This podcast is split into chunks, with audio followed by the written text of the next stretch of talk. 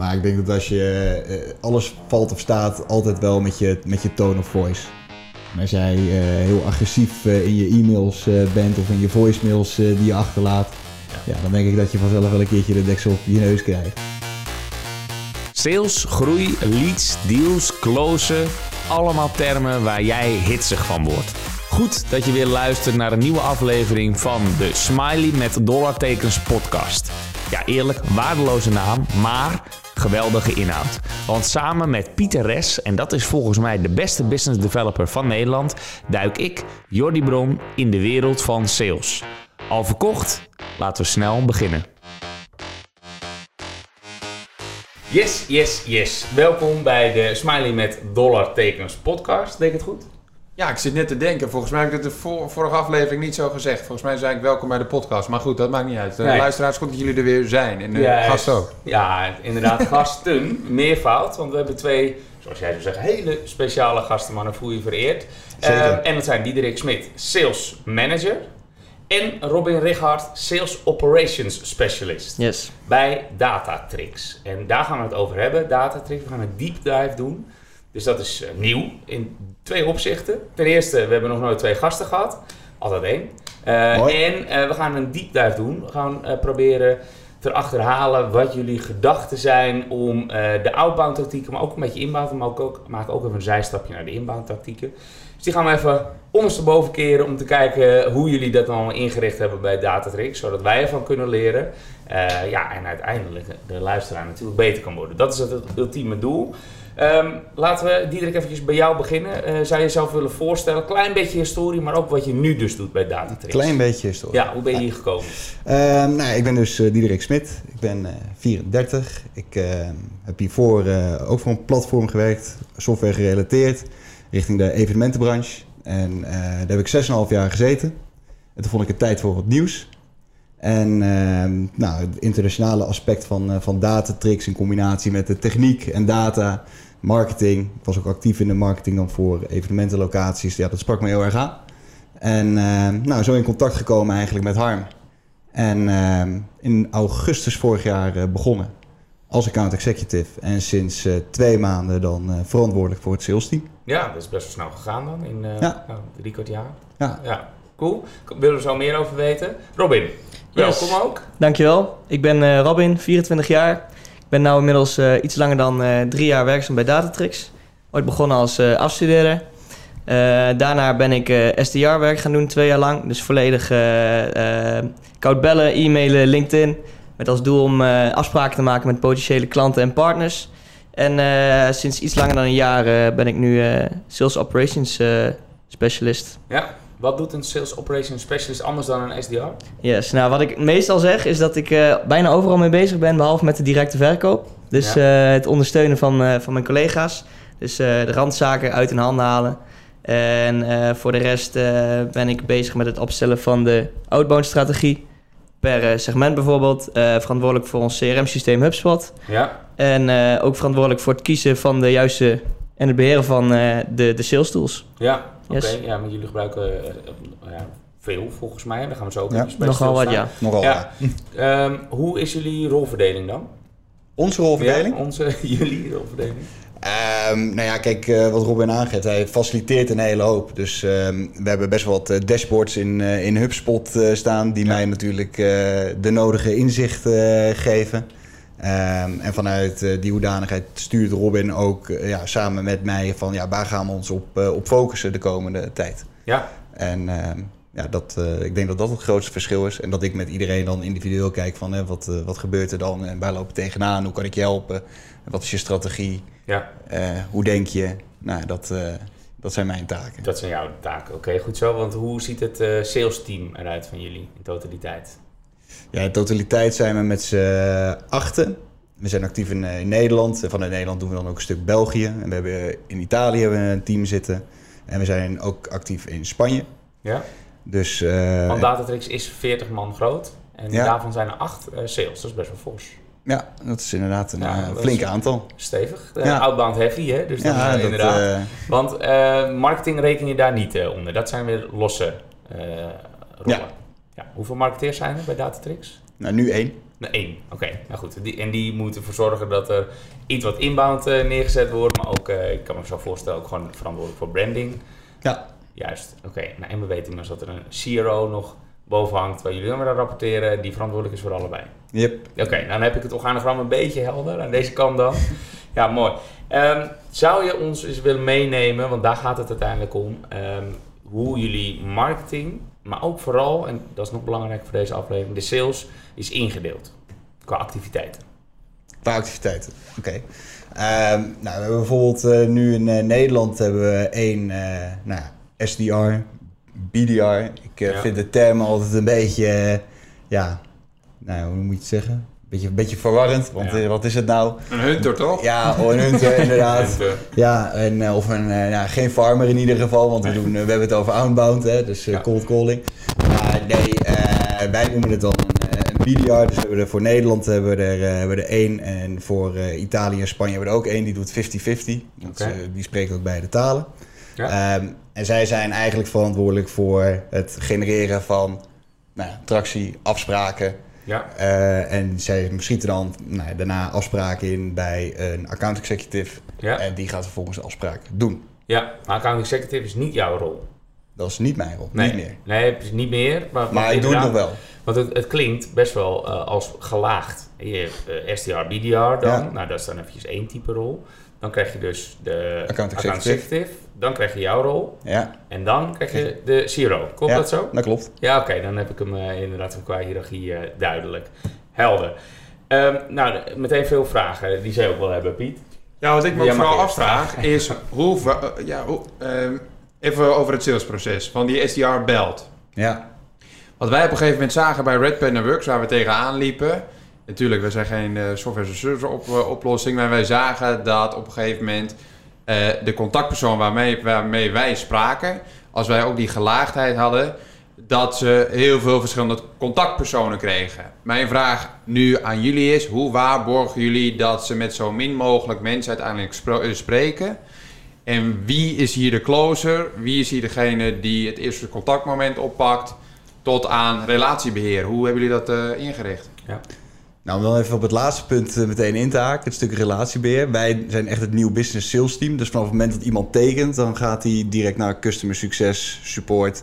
Dus dan laten wij het, eh, laten wij het los. Eh, maar als je kijkt naar de organisatiestructuur, dan heb je dus een, een BDR die dus het eerste contact legt met de, met de prospect.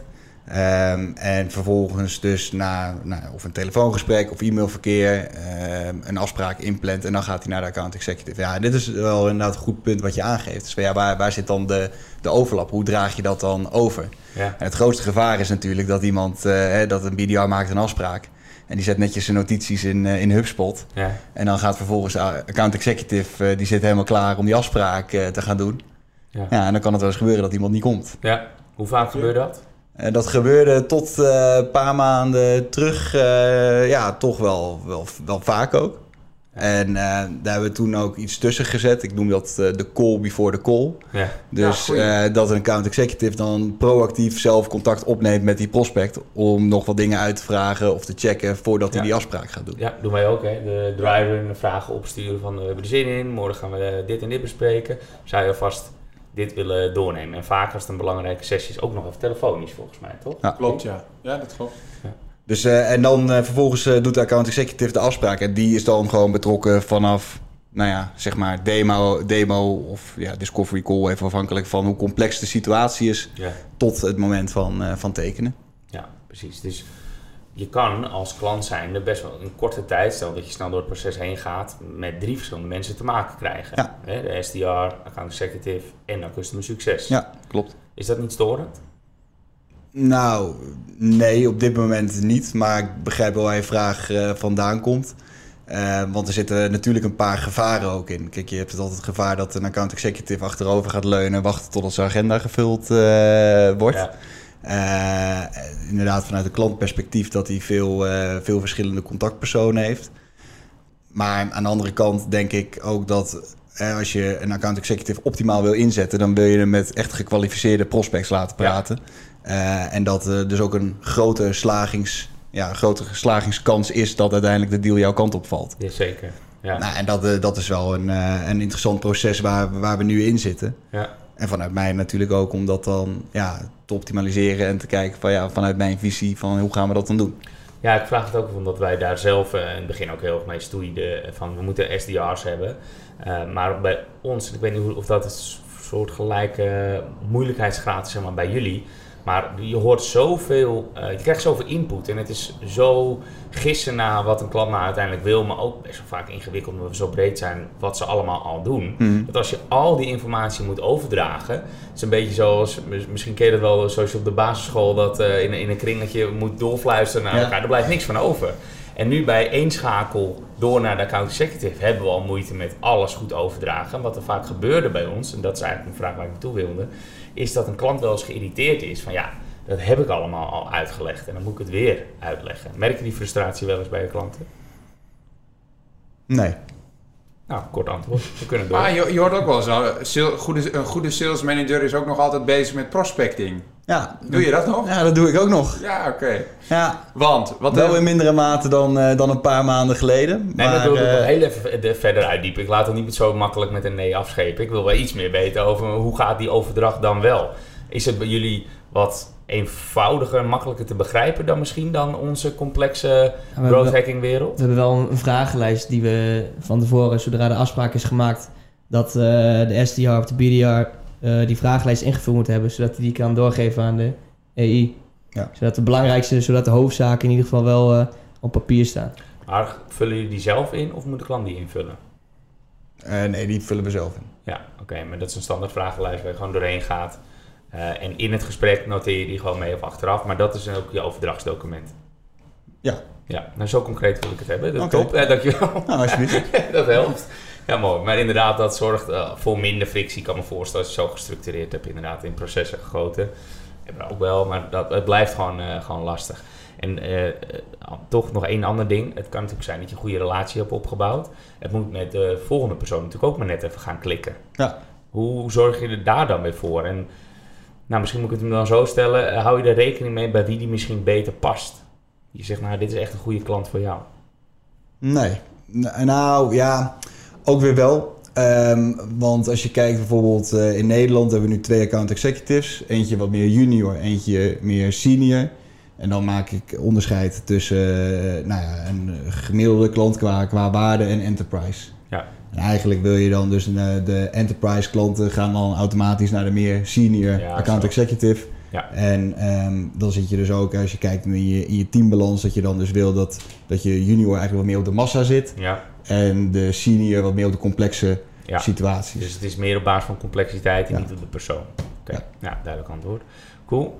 Ehm, had jij nou nog een vraag? Je- Ja, eh, want we zijn al lekker bezig met ons eh, gesprek. Maar volgens mij ver- ver- vergeten wij ook weer traditiegetrouw Ja. de stelling van vandaag. Laat ik hem eens inkoppen. Ja.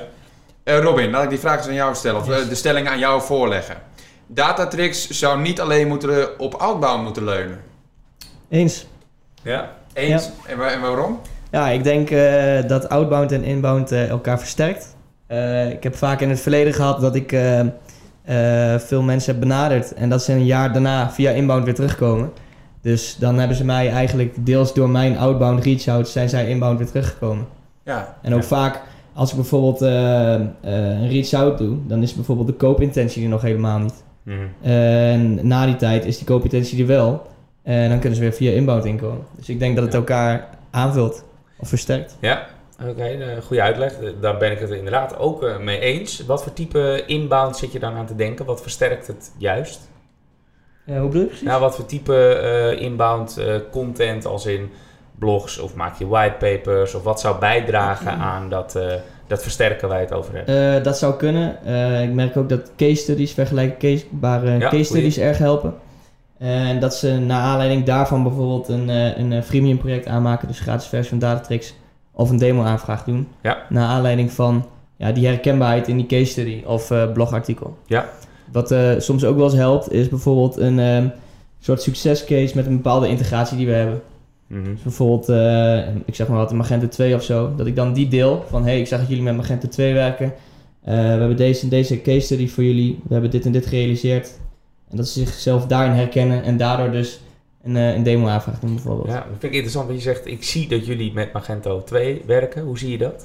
Via BuildWith. Build with. Yes. Build with, ja. Dat is een hele interessante tool waarmee je kunt achterhalen met welke bepaalde technologieën eh, bedrijven werken. Dus Ja. bijvoorbeeld e-commerce platform, e-mail tool of voor ons ook interessant of ze met een concurrent werken of niet. Het is een beetje vergelijkbaar als Ghostery, toch? Als ik bijvoorbeeld eh, op websites sta, dan zie ik ook eh, HubSpot eh, blokkeert mij. Dat is een beetje vergelijkbaar, want dan weet ik dus, hey, die partij werkt met, werkt met eh, HubSpot.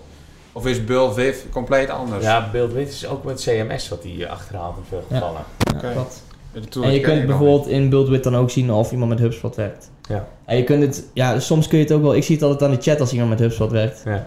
Ja. Dus je kunt het ook aan andere dingen zien of in de broncode bijvoorbeeld. Ja, en als we het over die inbound opvolging hebben, doe jij dat handmatig? Of heb jij voor specifieke leads met specifieke tegenwerpingen nu met marketing bepaalde e-mail automation flows opgezet? Of hoe moet ik dat voor me zien? Eh, met, als mensen bijvoorbeeld een freemium account aanmaken, hebben we wel een eh, geautomatiseerde onboarding flow. Maar dan kijk ik zelf handmatig van, is de lead geschikt voor, eh voor datatricks? Zo ja, dan eh, geef ik hem aan iemand van ons sales team. Maar op dit moment hebben we helaas nog niet eh, duizenden leads per week dat we dat allemaal eh gaan automatiseren. Dus op dit moment doe ik het meeste nou nog handmatig. Ja. En dat vind ik ook fijn, want dan weet ik dat het zeg maar 100% dat de lead goed over wordt Ja, ja. Ja, ja, zeker. En je wil ook veel van leren. Je wil er ook achter komen wat de kwaliteit is. Dus kan je het beter handmatig doen. Ja. Dat is mijn standpunt vaak. Ja, eens. Nee, zeker.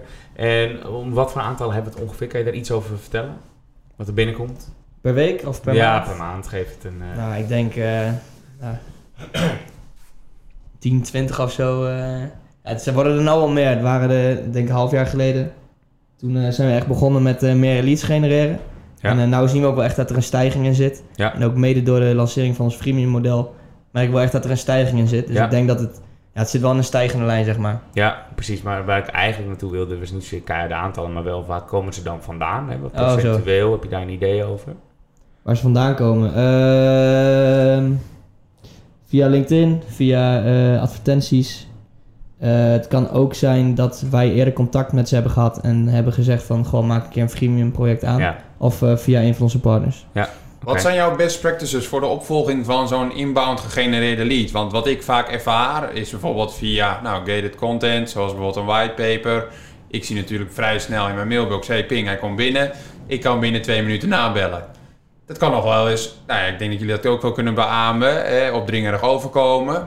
Hebben jullie daar een tussenstap in? Of zeggen jullie, nee, we, we bellen gewoon direct? En zo ja, wat, wat is dan je opening en hoe pak je dat aan? Eh, nee, wij, eh, ik probeer wel zo snel mogelijk op te volgen. Want diegene heeft in ieder geval wel, ja, een whitepaper misschien niet, maar een demo aanvraag wel. Want dan- dan heeft- Ja. laat hij echt zien dat hij concreet geïnteresseerd is. Ja. Dat is wel fijn om snel op te volgen. Dus dan eh, zet ik hem wel snel door met de intentie van neem even gauw contact op.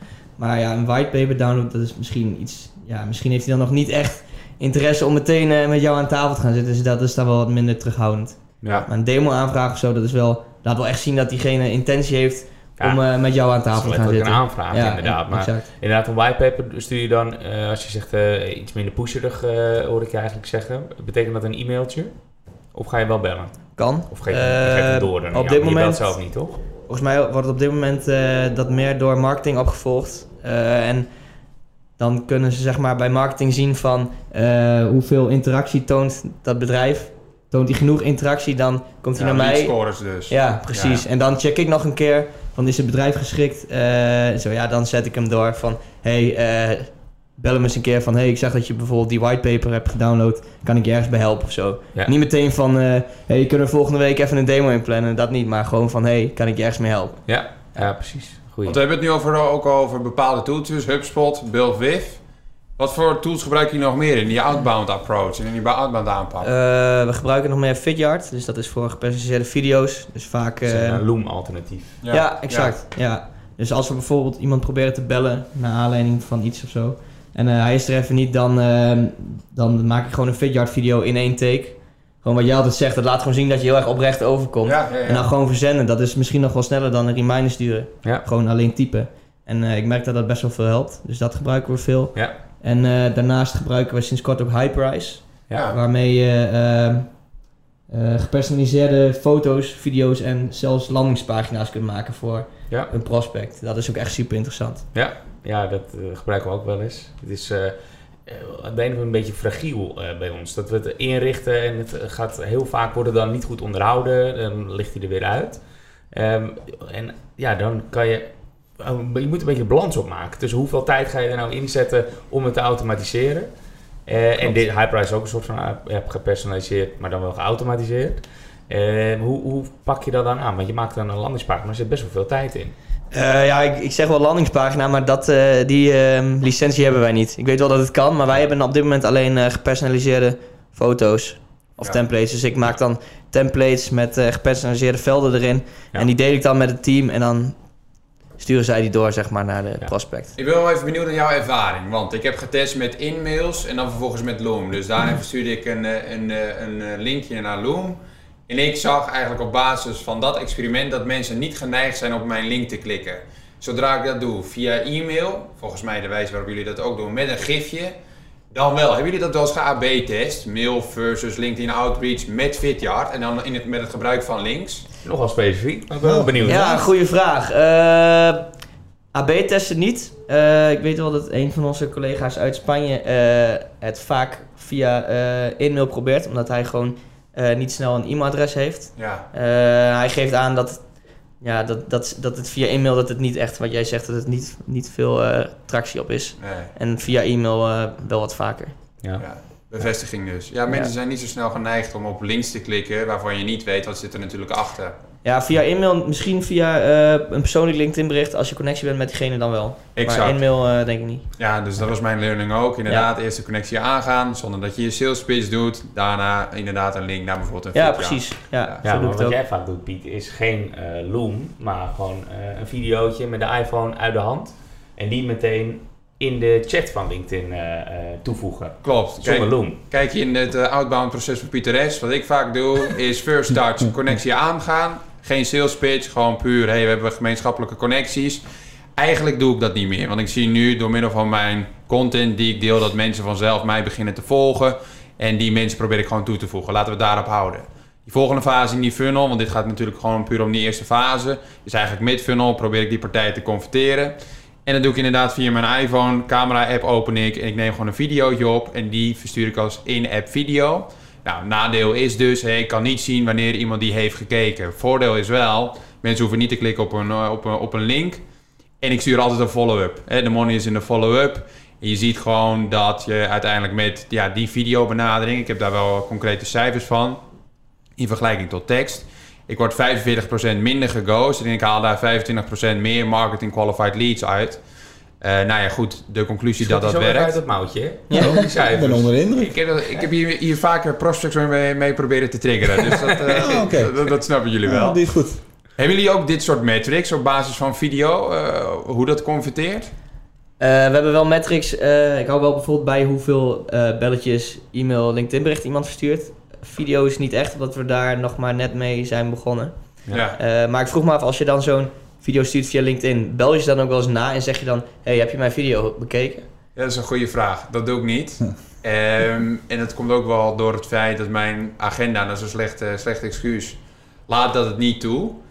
En ja, wat ook misschien wel het feit is, is dat ik dat misschien ook wel ergens nu vandaag de dag, en dat klinkt misschien ge- gek in een sales podcast, te opdringerig vind.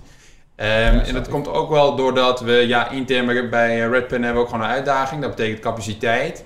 En als ik kijk naar andere tactieken, zoals vanuit webinars, leads opvolgen, ja, dan heeft voor mij niet zo snel de keus na een video en een follow-up nog eens aan de telefoon te hangen. Dat is hetzelfde als wat ik eh, vooraf aan deze podcast al vertelde. Het gevalletje Lucia. Voor de luisteraars, Lucia is een tool waarmee je 06-nummers kunt achterhalen. Ik heb een horrorverhaal, nou ja, horrorverhalen met Lucia. Eh, dat ik eh, nou ja, mensen op een gegeven moment zes keer belde en ik het, het nummer had van een dochter. ja, dat is eh, gewoon niet wat je wil. Nee, dat is niet wat je... Daar hangt er vanaf. Eh, Krijg ik ook hele andere gedachten bij. Inderdaad. Goed, ik Nee. aan eh, dat ze wat te jong was. Eh, laten we, ehm, nou ja, eh, eigenlijk was het volgende onderwerp dus een mooi bruggetje, want ik wilde het toch eventjes hebben over eh, de outbound tactiek als in e-mail, eh, bellen. En dan kom je automatisch natuurlijk in eh, de gevarenzone van de AVG. Wat is jullie richtlijn daarin?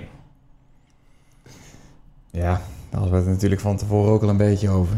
Daarom, ik ben benieuwd eh, hoe Het is een beetje, je het is, het is een beetje grijs gebied, hè? Ja. Ja, dat, klopt. dat is vaker naar voren gekomen inderdaad. Maar het grijze gebied zit, zit hem natuurlijk vooral in de beide hand eh, e-mailbenadering... waar mensen niet op zitten te wachten. Dat klopt. Maar ik denk dat als je eh, alles valt of staat, altijd wel met je, met je tone of voice. En als jij heel agressief in je e-mails bent of in je voicemails die je achterlaat, Ja. ja. dan denk ik dat je vanzelf wel een keertje de deksel op je neus krijgt. Ja, Maar als je gewoon op een eh, beleefde manier vanuit de inhoud iemand probeert te overtuigen om eh, met jou in gesprek te gaan, omdat je echt een kans voor hem ziet of omdat je je laat zien dat je je verdiept hebt in die, in die prospect, ja, weet je, dan eh, kun je het toch op meerdere manieren proberen. ja als het maar ook, ook toegevoegde waarde is, denk ik. Ik denk dat dat het sleutelwoord Ja. is. Hè? Het is niet te opdringerig inderdaad wat je zegt. Ehm, en dan passen jullie zowel e-mailbenadering toe naar LinkedIn, vanzelfsprekend, als ik dat zo hoor. Uh, hadden die met Loom, Vidyard in jullie geval. Eh, en is dat dan altijd een eerste touchpoint? Of is dat echt koud bellen, wat een eerste touchpoint kan zijn? Ja, dat, dat laat ik echt eh, aan, de, aan degene zelf over, wat hij zelf eh, prettig vindt. Nou, de SDR mag Ja. zelf bepalen. Ja, nee, en, de account, en de account executive dus ook. Kijk, Ja. want eh, wat we het al een beetje over hadden, het gevaar is dus dat, dat de account executive achterover gaat hangen Ja. Ja, en gaat wachten tot zijn agenda is gevuld. Maar eh, we zijn nu wel op het punt gekomen dat we ook gewoon van de account executive verwachten dat hij reach-outs doet en actief mee prospect. Ja, Dus als jouw agenda niet voldoende gevuld is, ja, dan zul je er zelf toch echt eh, achteraan eh, moeten gaan. Ja. En ehm, ja, als je daarin zegt, ik ga eerst bellen of ik ga eerst een mailtje sturen of LinkedIn. Mhm. Ja, dat, dat maakt mij niet zo heel erg veel uit. Ik denk, ik denk dat combineren het belangrijkste is. Als je gewoon eh, drie mailtjes stuurt en het dan achterwege laat, dan kom je niet. Wat ik zelf meestal fijn vind, is dat ik eh, eerst een eh, gepersonaliseerde e-mail verstuur. En kijk altijd eerst op het LinkedIn profiel. Soms heeft je bijvoorbeeld ergens gewerkt eh, bij een bedrijf dat bijvoorbeeld al klant is van Datatrix, dan noem ik dat. Ja. Eh, stuur ik een vergelijkbare case study. En dan een week daarna of een paar dagen na, dan bel ik en dan zeg ik van... Hé, hey, eh, ik heb jou een mail gestuurd, heb je die kunnen bekijken? Heb je meteen een haakje? Ja, dat vind ik wel, dat vind ik wel fijn om te doen. Maar ik snap ook gewoon als je gewoon gaat koud bellen. Want als je bijvoorbeeld geen e-mailadres hebt, dan kun je natuurlijk geen eh, e-mail versturen. Nee, maar dan, dan zou je kunnen bellen en vragen naar het e-mailadres. Dat Ja. is dan volgens mij ook hoe jullie het doen, toch? Gewoon eh, vragen van, zal ik dan eens een mail sturen? Dat krijg je natuurlijk ook vaak te horen als je probeert af te wimpelen. Ja, en Ja. Ik, ik vind dat ze in Nederland best wel, eh, best wel vaak eh, e-mailadres geven. In Nederland gaat het makkelijker dan, eh, dan in Dan België. in- ja. Ah ja, is dat zo? Ja, in België is het echt een stuk moeilijker om eh, echt met iemand in contact eh, te komen Ja. als je niet een direct e-mailadres eh, hebt. Maar dan als- worden ze minder makkelijk gegeven. Ja. Uit, oh, Ja. zo. Oké. En eh, ja, nu we toch vergelijking maken, hoe zit het dan in andere landen? Jullie zijn ook in Spanje en Italië actief. Is dat wel te doen? Nou, in Italië is, dat, denk, ik, ja, is het wel iets makkelijker. En in Spanje zijn we echt nog aan het, aan het opstarten. Maar je merkt daarin ook, hè, omdat we een techproduct zijn, dat je aan de noordkant van Europa zit. Dus dat de techniek wat makkelijker geadopteerd wordt eh, hier dan in de Zuid-Europese landen. Hm. Ehm, maar goed, aan de andere kant eh, dan merk je ook dat je hier in Nederland heb je veel meer concurrentie dan in die andere landen. Ja. Ja, En we zijn bijvoorbeeld sinds kort ook in Indonesië actief. En daar merken we dat ze gewoon eh, mailen met elkaar via Gmail. En, eh, en heel vaak gewoon WhatsApp met elkaar. Oké. Dat is gewoon super normaal. Dan zegt zo, stuur maar een appje en dan praten we daar al verder. Oh ja? Ja, het is gewoon eh, zakelijk privé, is gewoon eh, in elkaar Ja. eh, Ja. grappig. Ja, nice. Ehm, cool. Ehm, ik had nog een vraag over, ja, of dat nou outbound of inbound is. Het zit in ieder geval meer in de marketing dan in de saleshoek. Maar doen jullie veel met events? Eh, nou ja, dat is een leuk, eh, leuk bruggetje. En, eh, grappig dat je het nu vraagt. Afgelopen maandag hadden we een evenement. Oké, het Eh, met, eh, met al onze partners. Dus dat zijn over het algemeen eh, marketingbureaus. Ja. Ehm, en dat was eh, in Utrecht. En dat was eh, hartstikke leuk. We hadden volgens mij... eh, nou, hoeveel man hadden we te gast? Ik denk eh 35 ongeveer. Ja? En dan eh, we zetten we een inhoudelijk programma op eh, over datatricks, de nieuwe features binnen het platform, een stukje product roadmap. Nou, we willen iedereen natuurlijk ook certificeren, zodat mensen weten als ze met Ja. een partner gaan werken, dat, eh dat die snapt hoe datatricks eh, werkt. Ja. Eh, dus dat hebben we die dag gedaan. En dat was, dat was super gezellig en hartstikke leuk om iedereen te zien. Cool. Ja, dat lijkt me top ook voor, voor jullie, juist ook om die relatie te bouwen met bestaande partners. Of Ja. was het doel hier ook nieuwe partners werven? Nee, we hebben ook nieuwe partners uitgenodigd. Partners waar we al mee in gesprek waren. Van, die hebben we dan een demo-account gegeven voor, een, nou, voor soms een klant naar keuze of voor hun eigen website. En dan kunnen ze zelf met de tool eh, werken. En dan wisten ze ook al gewoon van ja, wat kan ik er dan mee? Ja. En die konden we dan ook meteen certificeren. Ja, nice. En kijk, en dan maak je natuurlijk iemand ook warm om ja, de samenwerking meer met je op te zoeken. Ja? Ehm, en dan wordt het ook een soort co-creatie. Mhm. En ehm, ik denk dat de, de tijd van hè, dat we een partner aansluiten bij ons, zodat die zelf gaat acquireren, dat we dat wel een beetje, een beetje voorbij zijn. Ja. Ehm, dus ja, we proberen ook wel echt naast die partners te gaan zitten en samen met hun dan bijvoorbeeld met een klant van hun in gesprek te gaan, omdat dat wij dan gaan uitleggen wat Datatrix doet. ja, precies. Maar dat is dus niet zozeer voor eh, directe klanten geweest. Dat is echt voor het Nee, partner- dat was voor reseller kanaal ja. als het ware. Hoe belangrijk is dat reseller kanaal voor jullie? Ja, eh, dat is natuurlijk een, eh, een warmere ingang dan dat je echt koud bij iemand de telefoon pakt. Want zij verkopen het, het niet. Het is meer dat ze een lead leveren aan jullie. Of ver- verkopen zij het en heb je eigenlijk amper met de klant te maken. Nou ja, dat is dus een beetje het spanningsveld waarin we nu zitten. Soms verkopen ze het.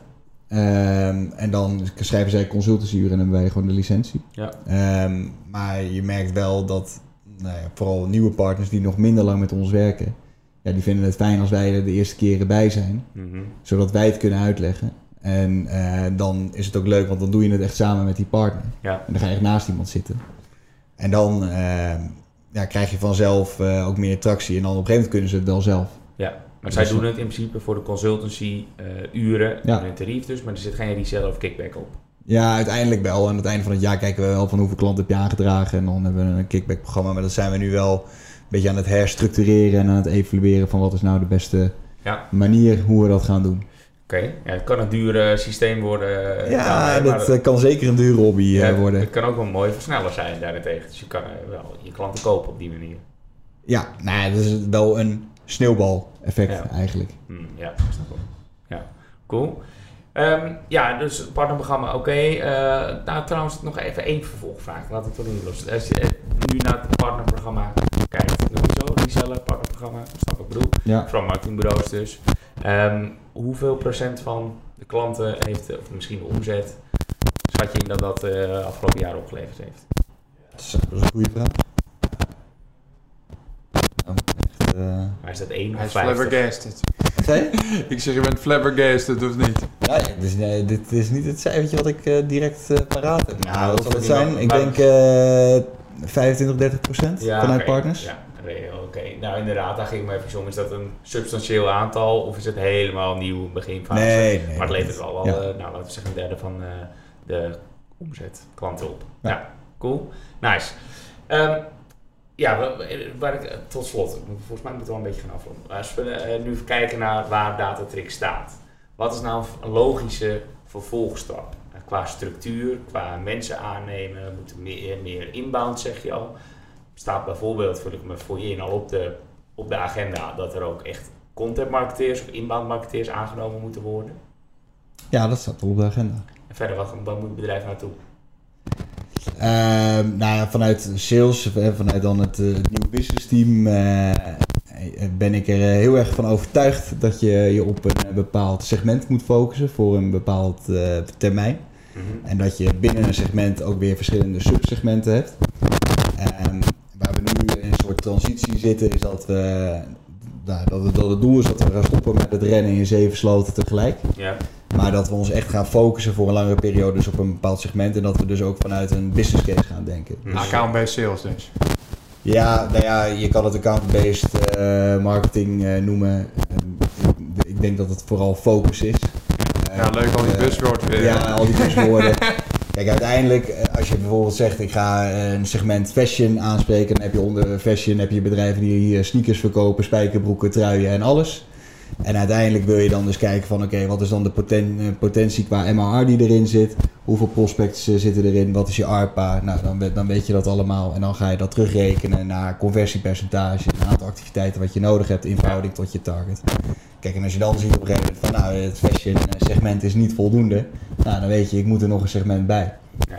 Ehm, maar wat je vaak ziet, helemaal als mensen net beginnen met sales, dan gaan ze heel veel verschillende type klanten ja. gaan ze dan benaderen. Mhm. Terwijl als je je focust, dan weet je op een gegeven moment na tien keer hetzelfde argument niet die afspraak kan- Bij de elfde, elfde keer denk je, ah ja, maar hier heb ik wel een oplossing Ja, voor. ja, ja, ja. En dan kom je op een gegeven moment in die ja-flow terecht. En dan wordt het ook eh, leuk. En ik denk dat dat, als je dan kijkt, eh, ook eh, nou, binnen ons team, waar we ook wel wat junior eh, jongens hebben. Ja, dat dat gewoon heel belangrijk is om ze daarin te sturen en mee te gaan. Ja, en die kracht van herhaling gaat natuurlijk ook optreden. Dus je constant focust op één en dezelfde eh, niche doelgroep. Ja, dat snap ik helemaal. Toch zag ik op jullie website behoorlijk wat verschillende verticals. Ja, En wat, wat is de focus momenteel? nu zitten we in Nederland echt op fashion en home en deco. En in Zuid-Europa op fashion en electronics. En dan, eh, laten we zeggen, fashion, een grote webshop, is dat de ideale klant?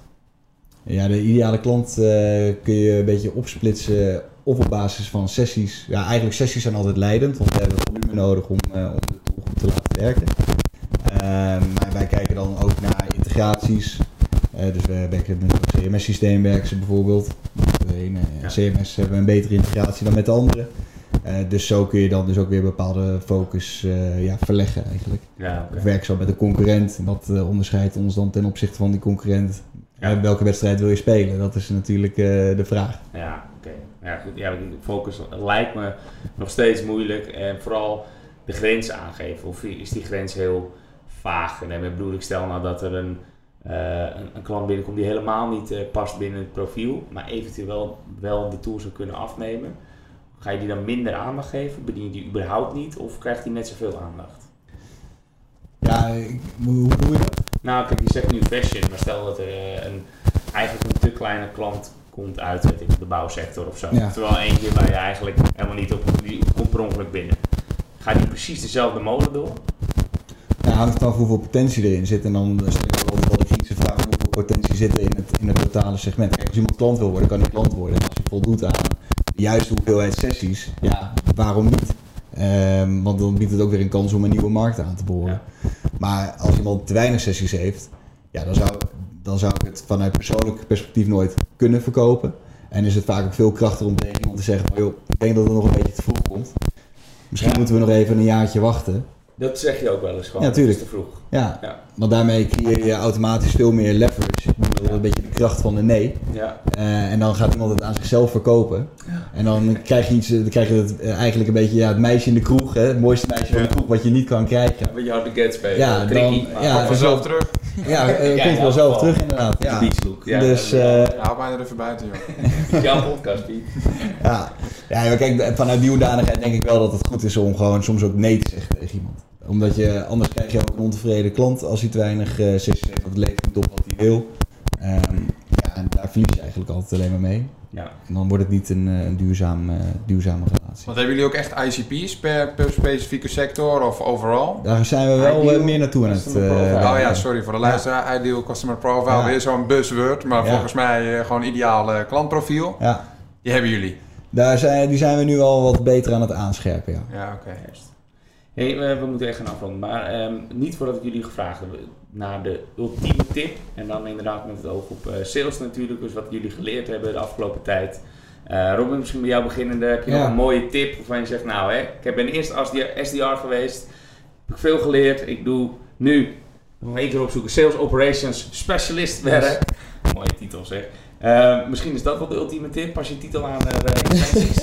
Nee, ik hoor deze vaker en ik heb hem zelf ook overgenomen. En dat is gewoon eh, consistent blijven. Ja. Eh, niet opgeven. Dus gewoon altijd eh, door blijven gaan totdat je bijvoorbeeld iemand te pakken krijgt. Mhm. En eh, ja, niet zomaar gewoon een paar mails sturen en dan denk van nou, dus hij reageert niet, laat maar zitten. ja. Ik heb vaak genoeg gehad dat ik gewoon eh, een week heb gehad dat ik maandag tot donderdag gewoon helemaal niks klaarspeelde. En dat vrijdag opeens alles binnenkwam. ja. Ja, mooi. Dus eh, ja, gewoon, gewoon eh, door blijven gaan. Juist, goeie, thanks.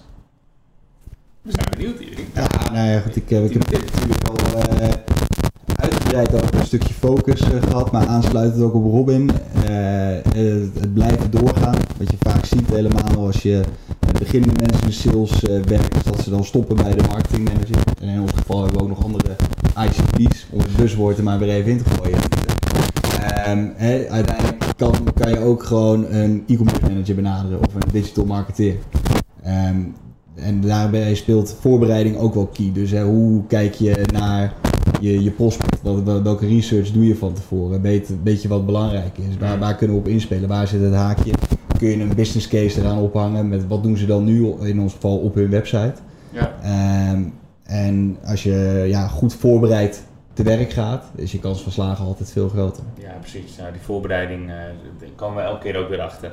Dat, eh, hoe, hoe beter we voorbereiden, hoe... Nou, echt, dat, dat gaat exponentieel toenemen, je slagerspercentage. Dus, oké.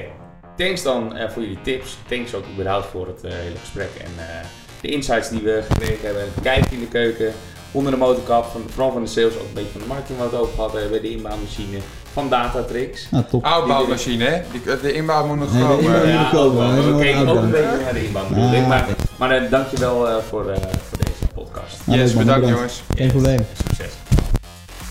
Jij wordt de beste business developer en ik hoop dat onze podcast daaraan zal bijdragen. En dan wil ik gelijk een beroep op jou doen. Zou je me een plezier willen doen en een review willen achterlaten in je podcast app? Dat helpt ons om beter te worden en zo zullen we hopelijk nog meer mensen bereiken. Alvast bedankt en weer tot volgende week.